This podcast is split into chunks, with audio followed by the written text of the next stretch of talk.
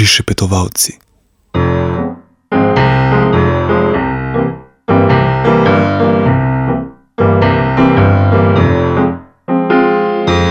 Želim živeti brez skrbi in tu jaz tiskam me ne briga. Vem, kar je treba vedeti. Življenje je odprta knjiga, naj svet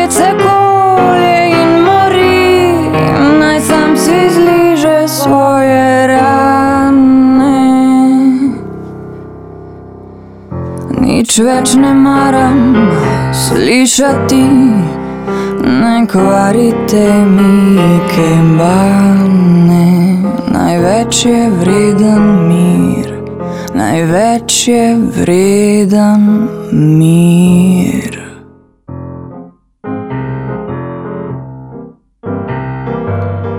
Pozdravljeni v oddaji Prišepetovalci na Radiu Student.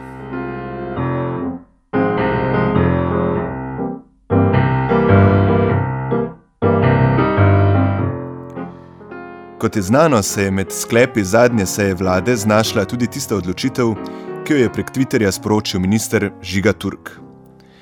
Vlada znižuje RTV prispevek za 10 odstotkov in s tem zategovanje pasu v javnem sektorju širi tudi na RTV Slovenija.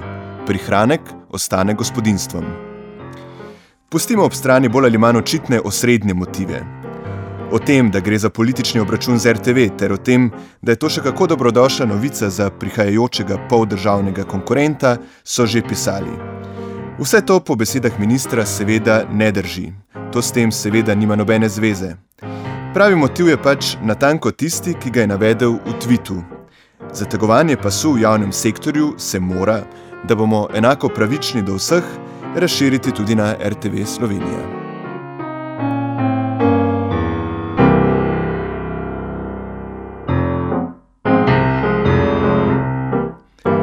Minister je bil v kasnejšem zapisu na blogu skoraj užaljen, da tega pravega in tako samoumevnega motiva nihče od kritikov ni znal razumeti in podpreti. Še več, da ga nihče ni niti opazil. V tem zapisu so videli vse drugo. Prvi so mu učiteli, da je tweet napisal med sejo vlade, kar je nesramna laž, napisal ga je iz svoje pisarne.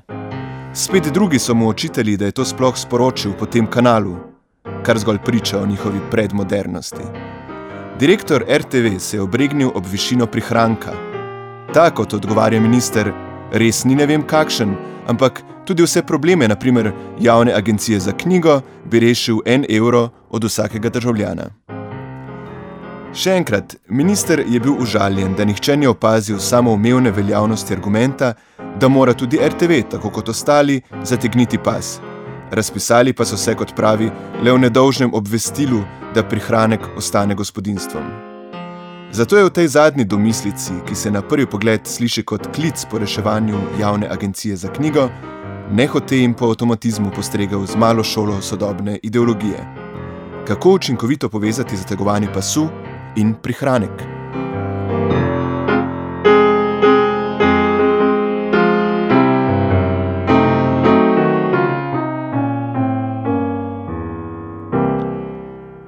Javna agencija za knjigo je, tako kot ostale agencije in centri, ki jim je koalicija z UIF-om odtegnila znaten delež sredstev, financirana iz proračuna. Proračun je, če ne veste, tista vreča, ki jo javni sektor pojmuje kot vrečo brez dna.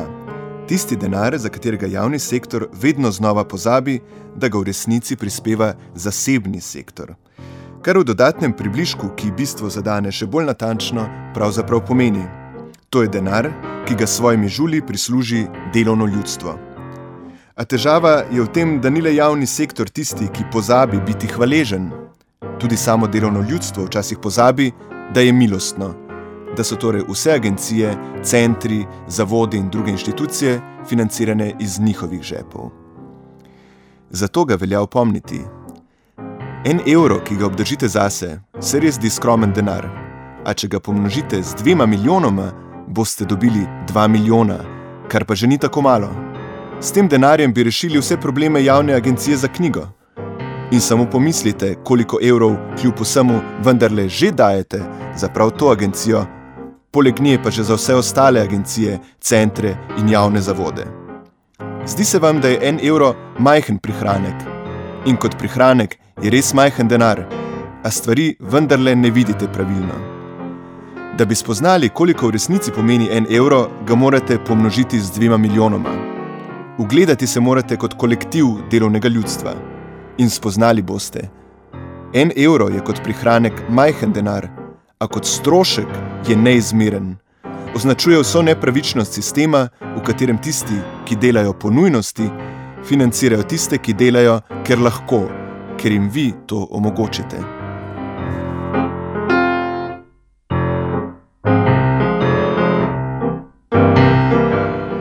In če pri drugih inštitucijah, ki jih financirate, opazite samo to, da ne opazite ničesar, ali drugače, opazite samo to, da ne delajo nič, vsaj ne nič koristnega, lahko pri RTV Slovenija ta nič dejansko vidite kot nič. In še več, ne le da je program, ki ga ustvarjajo z vašim denarjem, popolnoma za nič. Ne le da vam vsak mesec kradejo denar, iz njega pa ustvarijo nekaj nič vrednega, temveč ga nekaj neposredno prekanalizirajo v svoje žepe. In če vlada ne more neposredno poseči v prvi tip kraje, lahko poskrbi vsaj za to, da tisto, kar bi gospodje sicer neposredno prilili v svoje denarnice, ostane pri vas, v vaših gospodinstvih. Vlada nas v uradnem sporočilu za javnost, ki je sledilo Turkovemu tvitu, skuša prepričati, da se je pri tej odločitvi oprla tudi na ugotovitve računskega sodišča. Pri svoji odločitvi je vlada sledila tudi nekaterim odločitvam iz negativnega revizijskega poročila računskega sodišča, iz katerega evidentno izhaja, da ima RTV Slovenija na področju finančnih sredstev na voljo še dovolj notranjih rezerv. Glede na to vlada ugotavlja, da znižanje višine RTV prispevka ne bo vplivalo na zmanjšan obseg dejavnosti javne službe RTV Slovenija oziroma da s tem ne bo ogrožena njena finančna samostojnost. A če vemo, da se poročilo nanaša na leti 2009 in 2010, in če vemo, da so pretežni del tega obdobja vrh RTV tvorili Anton Guzej, Jože Možina in Vinko Vasle, se nam morda posveti, da se vlada na poročilo računskega sodišča ne opira, temveč da je to poročilo v resnici pravi razlog te odločitve, ali natančneje, povod, da se je odločitev zgodila prav zdaj. Bog ne daj, da bi koga zamikalo, da bi se s tem poročilom preveč ukvarjal. Bog ne daj, da bi v njem kdo prepoznal sledi te vlade. Ko gre za javni sektor, pozabite na osebno odgovornost tistih, ki se zdaj odpravljajo na Siolovo televizijo. Pozabite na imena in primke, pozabite na preteklost. Vse, kar morate vedeti, je, da je kriza, da vlada vrčuje, ter da vrčuje pravično in po pameti.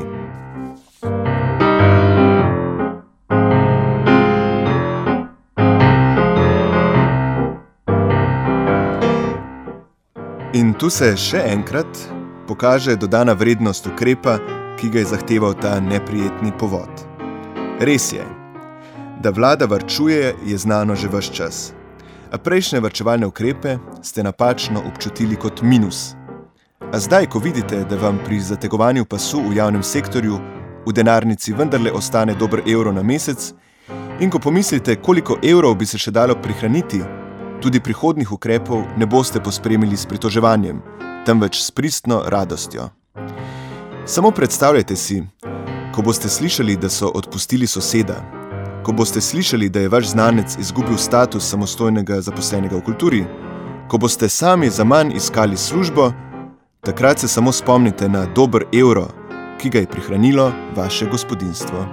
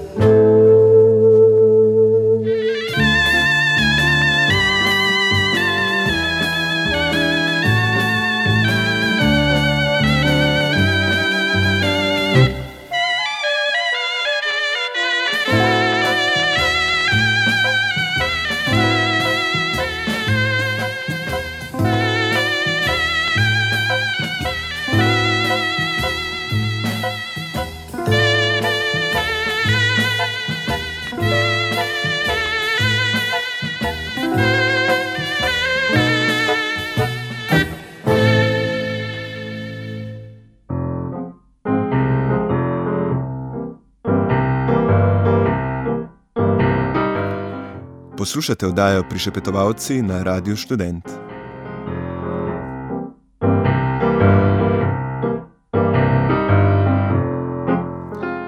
Tik pred parlamentarnimi počitnicami je vladna koalicija skupaj z mediji uprizorila šov, predstavo svojega morebitnega konca. To se ni zgodilo prvič.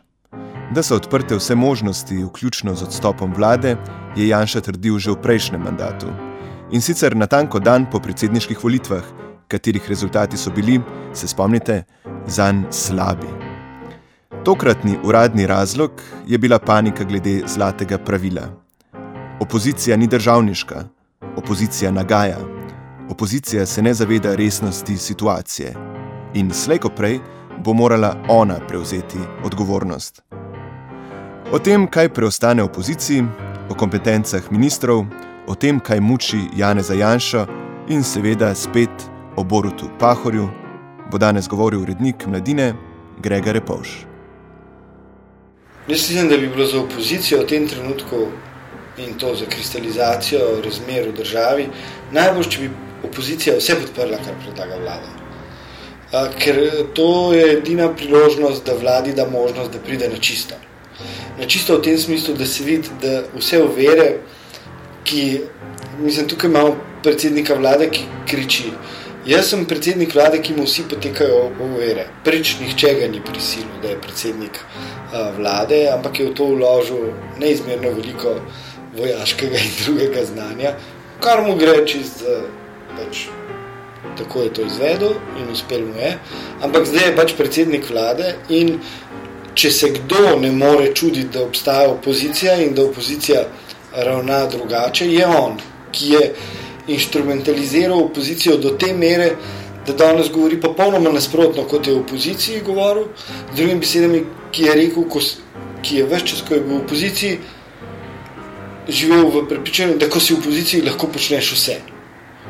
Ne, in te, to, ta jemrarija in javkanje je danes njegova obramba v resnici ista kot prej v opoziciji, zdaj na oblasti. Zato bi bilo, če, bi bili, če ne bi nič upoštevali, če bi rekli v nekem ustvu, kakšne so posledice, bi morali v bistvu vsi v samostrežni. Zato, ker to ga spravi na, na um, čistino in to pokaže, kaj je on, ampak kakšne so dimenzije te vlade, neznanja te vlade, ker to je trenutno največji problem. Recimo, mi imamo razpravo o ustanavljanju slabe banke, ki je popolnoma nora razprava, ker nihče ne upošteva, da to pomeni oblikovanje neke inštitucije, kjer bo moralo biti zaposlenih par sto ljudi, ki se bo aktivno ukvarjali z vsakim podjetjem v slabem položaju znotraj te banke in samo zato, da bodo to vzpostavili, samo zato, da bodo zaposlili ljudi tam, da bodo najdel prostore, kjer bo to funkcioniralo, bodo izgubili eno leto. Ampak danes se jim zdi to strašno noblo.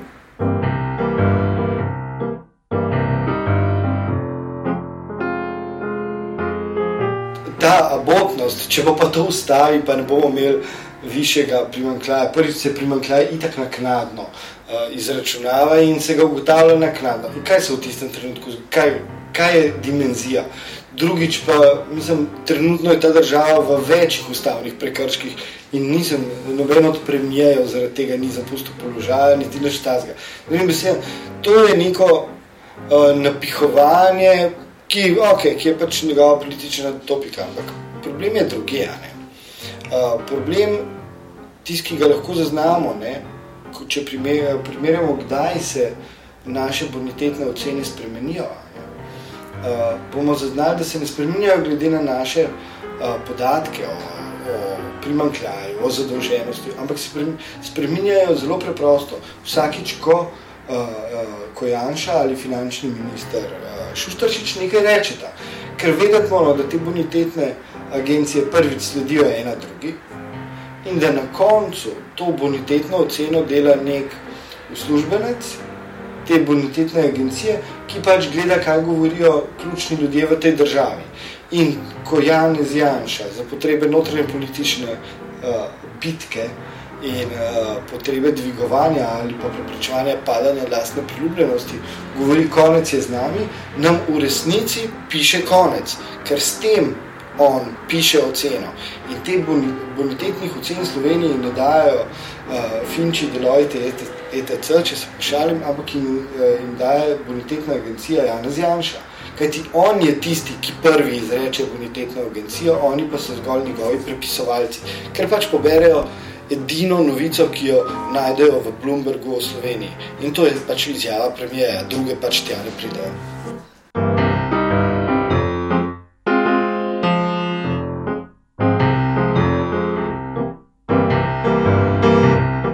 Tisto, kar smo videli, vidimo pri eh, vladah Jana Zajanša in to je že drugič, da ko gre za vprašanje poslovanja države, v nasprotju recimo z recimo Trnovško, ki je imel vedno finančnega ministra, najbližjega človeka, tudi recimo Ropom, ki je imel tudi, je najbolj natančno izbral finančnega ministra in tudi ne na zadnje uh, z Pahorjem, ki je tudi najbolj ga skrbel, da bo pač finančni minister človek, ki mu bo tako ali drugače blizu. Vidimo pri Janezu Janši, da vedno ministra za finance kar prepusti. Prepusti ga pa zato, ker seveda je na tem področju negotovo. In mu je seveda lažje in bolje imeti uh, na tem mestu uh, pač predstavnika druge stranke. In mi smo dobili za finančnega ministra gospoda Šuštarčiča, uh, katerega značilnost je, da je, če beremo njegove tekste izpred pol leta oziroma izpred časa, preden je bil minister, da je videl rešitve za vse. Ne? Da je imel zbirko svojih rešitev, ki jih zdaj ne more implementirati, ki so dejansko popolnoma irrelevantne rešitve, ko enkrat prideš v sistem, vidiš, da govoriš stvari, ki niso pomembne in seveda zdaj nima rešitev. In to je temeljen problem te vlade. In temeljen problem te vlade je, da so seveda prišli za agendo tega vrčevanja. In to agendo celo v neki meri izpolnili, in hkrati dobili že rezultate drugih vrčevanj, ki so katastrofalni. In v resnici bi morali zdaj nam reči čist novo agendo. In s tem bi se morali ukvarjati. Kar je pa za njih, ker so to ponosni kleni slovenci, seveda priznanje poraza. In v tem trenutku je bolj pomembno ustrajati na svojem, kot pa najdeti pravo agendo.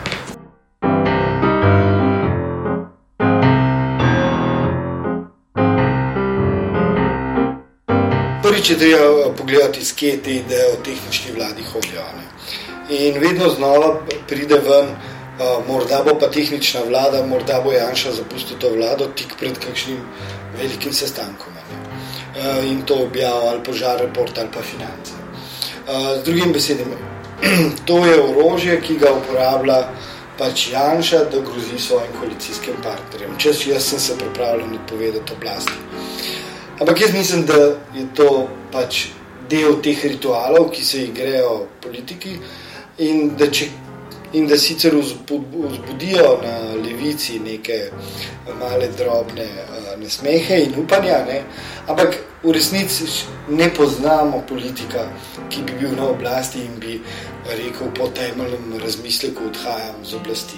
Z drugimi besedami, uh, ni nima Janez Janša in SDS, nimate nobenega namena zapustiti oblast, niti ne vidite, da bi po tem mandatu zapuščali oblast, kot tudi prejšnjič, ko so prišli in tudi, da ne bo nesporazuma, tudi SD ni mislila, da bo zapustila oblast in tudi Pahor si podrazno ni mislil, da bo res prišlo do teh prečasnih volitev, ampak samo pač bolje kalkuliral in me na računal.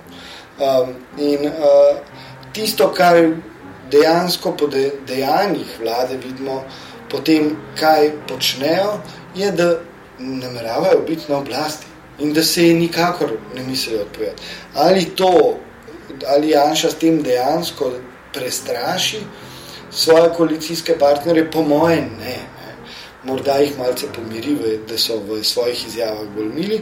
Zagotovo pa naredi to en dodaten veter, ker seveda novinari neizmerno uživajo v vsakem padanju oblasti in vsak teden bi imeli radi eh, krizo, ker je potem delo lažje.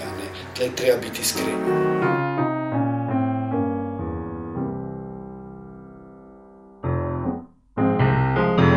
Mi smo bili recimo zdaj pričali predlogu, ki je prišel iz njegovega dvora, češ.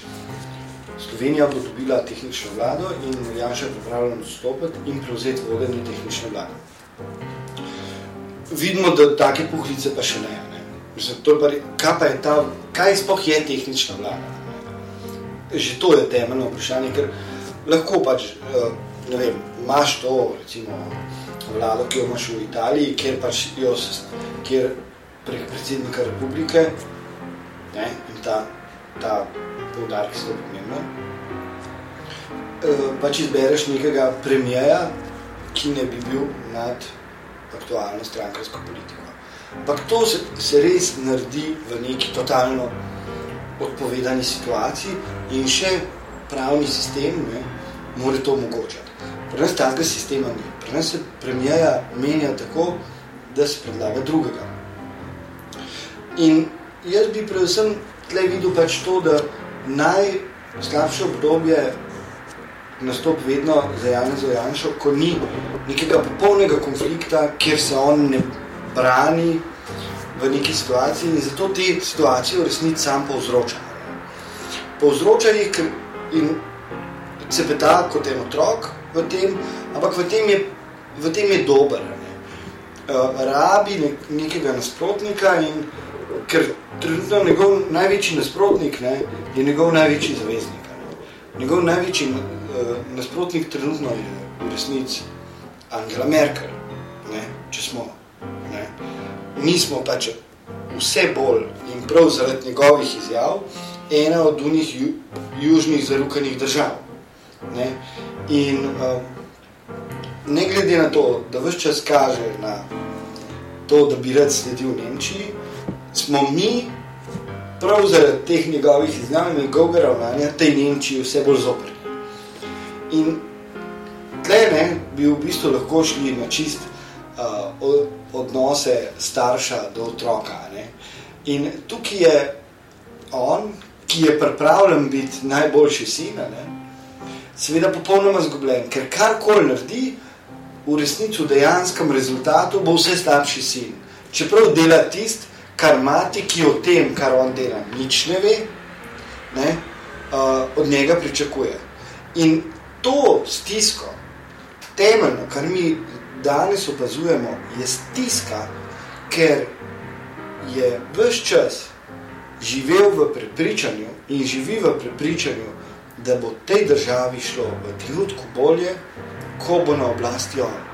To je namreč njegova temeljna premisa, da, to država, da tej državi gre slabo, ko so na oblasti drugi, ki kradejo, oziroma ki kradejo zase. Ne? Se pravi, in dejansko iz vseh teh nastopov vidimo iz tega, da pokojninsko reformo sprejema, ko je na oblasti, ko pa ni jo zavrača, je to temeljno prepričanje, da je on sam rešitev. Ne? In seveda iz tega izvira tudi njegovo temeljno razočaranje. Ne? Ker kaj se je zdaj zgodil? Zakaj stvar, vse prejšnjič, ko sem prišel, res da je bila konjunktura, je vse funkcioniralo v trenutku, ko sem prišel na oblast, je bilo super. Zakaj zdaj ne funkcionira? In tukaj ima on odgovor, zaradi stricov iz ozadja, zaradi kot je to zadnjič ponovno ven potegnil, uh, zaradi udbo mafije, zaradi unih ubogih starčkov, ki hodijo na proslavah z, z muzejskimi puškami okol, vse se ne nekako zarotilo, ne? ker vendar prišel sem na oblast in moral bi biti v redu. Ni, ne?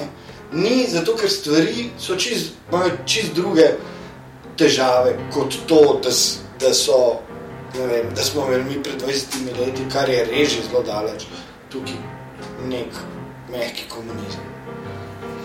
Um, in vse, kar se danes dogaja, je izraz prav te stiske.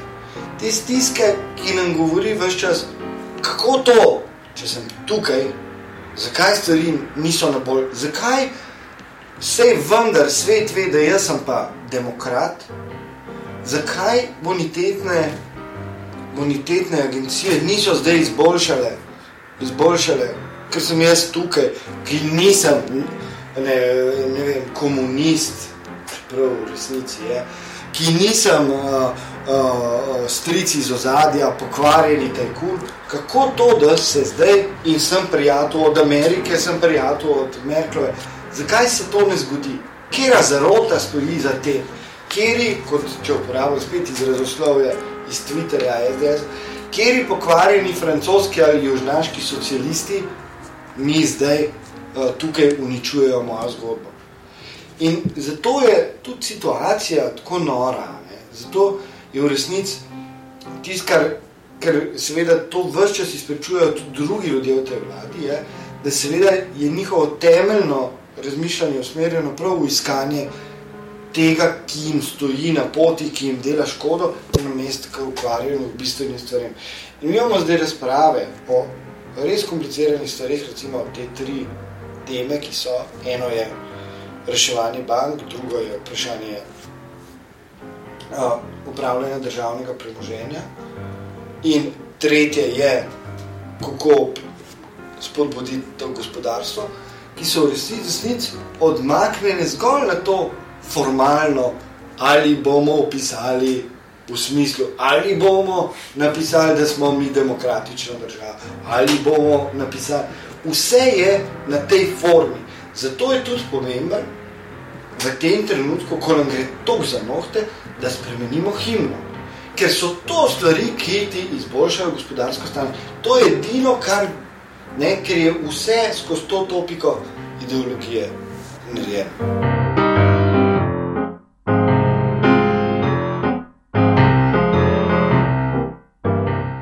Ja, on je v bistvu pridigar. Ne?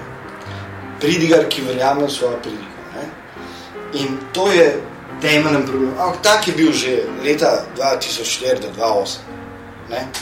Zato tudi verjame, ne, kot vsak pridigar, da kar on naredi, je posvečeno in sveto. Ne. Mislim, mi imamo zdaj hkrati njegovo govorjenje na eni strani o odpuščanju 15 odstotkov ljudi iz javnega sektorja, hkrati uh, pa se mu ne zdi nič, absolutno nič narobe, da oni in strankarski kolegi zaposlujejo svoje otroke v, uh, uh, v um, javnem sektorju.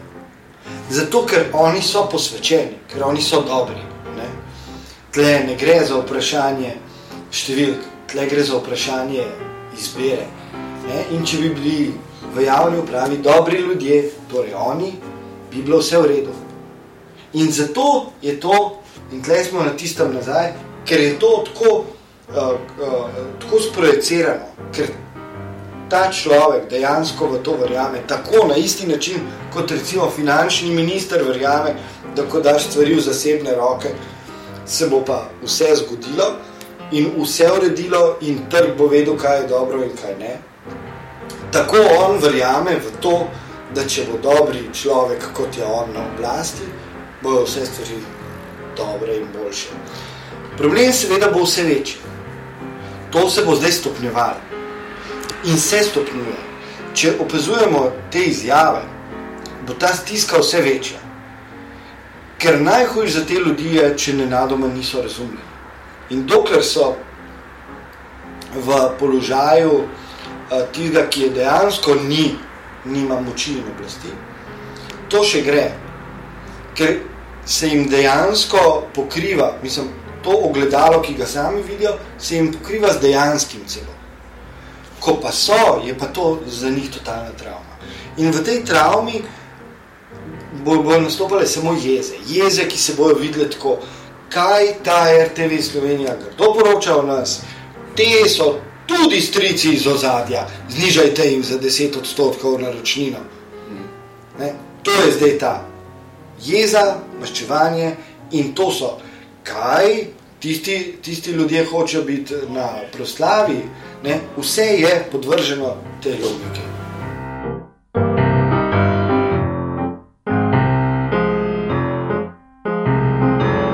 Prav ta primer, kako razumejo svoje delo, ne?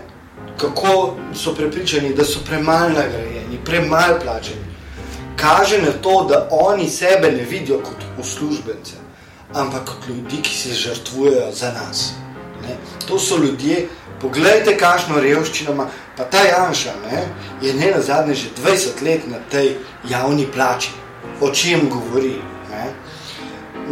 In se pritožuje, kot da je zdaj moral sprejeti neko to borščno tukaj na mestu premijeja, kot da ne bi te plače že zadnjih 20 let vse čas imel. Zakaj se mu zdi nizka, ne? S čim jo primerja? Ja, gotovo se mu zdi nizka, glede na stil uh, življenjski slog, ki ga ima. Ampak ni to, vse njegov problem, kot vsi vemo, niso finance. Ne na zadnje osebnost, pa gre za skromnega človeka. Ne, temeljno, kar je njegov problem, je, da seveda išče, išče potrditev.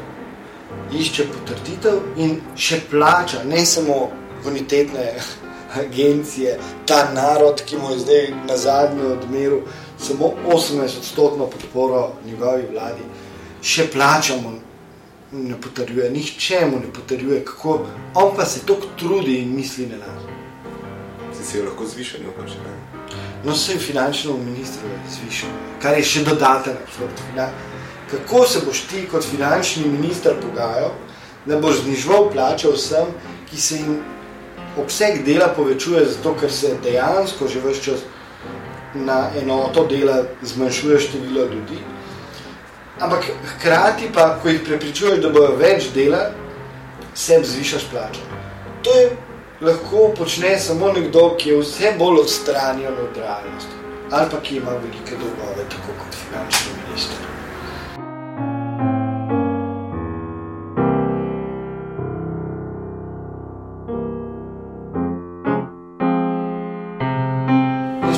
ta izbira, um, izbira zvera za predsedniškega kandidata je logična. Uh, logična je zato, ker je to pač trenutno edini, kar to reprezentativen uh, uh, predstavnik SDS-a v tem smislu, poleg tistih, ki sedijo v vladi. In seveda, ker uh, resne, resnih možnosti, da bi postal zelo močen politik nima. In um, druga dva kandidata, kar se tiče tega vprašanja, zakaj SD podpira Pahorja, je pač odgovor zelo preprost. Ker druge možnosti nima. Ni, kaj pa češ narediti svojim, svojim bivšim predsednikom, če reče, da bi rad kandidiral za predsednika republike, kot da rečeš, kot da stisneš tebe in pa rečeš, seveda, voliti. In to je SD naredila v resnici je seveda to ravnanje zelo pravilno. Uh, pri nas se od vseh, ne, od direktorjev, od urednikov, od predsednikov vlad, od kogarkoli, od vsakega uslužbenca, vedno poslavljamo z brco, ne, brco uredne. Temeljno ne, pa je seveda, da tudi človek, ko gre in ko mora jeti, tisto, kar lahko opazujemo na zahodu, in tudi ko mora jeti, zato ker ne zna več, ker ne zmore, etc., odide na rdeči preprogi. In v tem smislu, v dani situaciji, kjer ima SD tega nenavadnega predsednika, v tem nenavadnem a, psihičnem stanju, seveda proba izpeljati stvar tako, da bi bila čim lepša, ne? A, čim bolj človeška, ne, tudi po eni strani, in čim manj razdiralna je pa to izraz ene stiske. Po drugi strani je pa treba reči, da je v bistvu to, da Pahor kandidira, ne, kakor zgleda danes s tem svojim šovom, res noro, nekako v resnici tisto, kar Pahor mora dobiti. Torej, mora jeti na volitve. In super je, da je nasproti njega Kirk, da tam pred direktno, direktno obravnavo dobi oceno, kakšen državnik je, oziroma ali res misli, da je državnik. Seveda je pa hkrati tudi res, ne bi polagal roke v ogen, da se ne more zgoditi, da bi bolj pahor zmagal. Ampak potem pa je to ocena, ki si jo je javnost sama sebi dala, ne? Kako pač dojema. Ampak jaz še vedno živim, živim v prepričanju, da zelo verjetno bo tudi vključno s tem šovom, ampak Pahor zdaj dubu račun tam, kjer ga mora. In to ne zaradi tega šova, ki ga ima zdaj, ampak zaradi šova, ki ga je delal v letu 2008, 2009, 2010 in 2011. Uh, in v resnici je prav, naj gre, naj jih povpraša, kaj si mislijo o njem.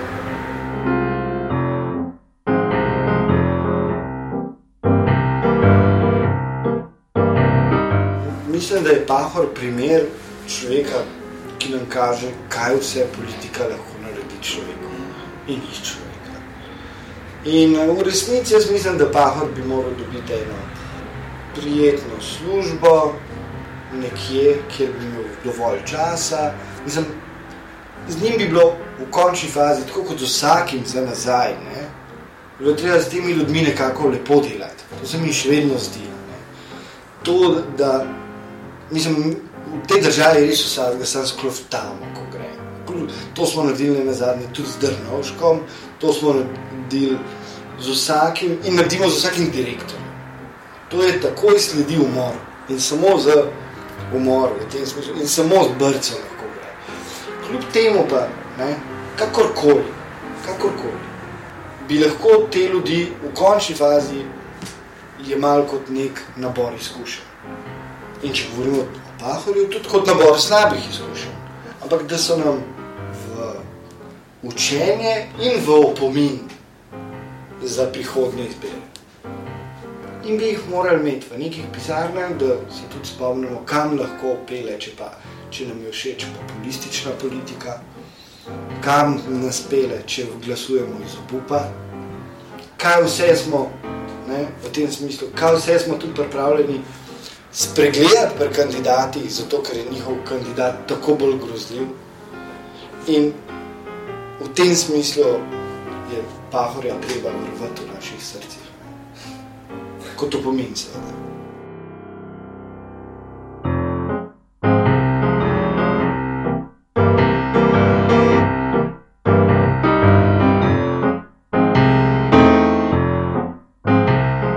Poslušali ste oddajo Prišepetovalci na Radiu Student.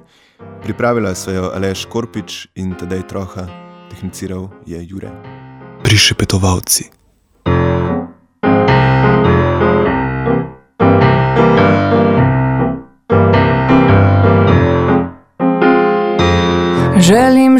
Živeti brez skrbi in tu jaz stiska me ne briga. Vem, kar je treba vedeti. Življenje je odprta knjiga, naj svet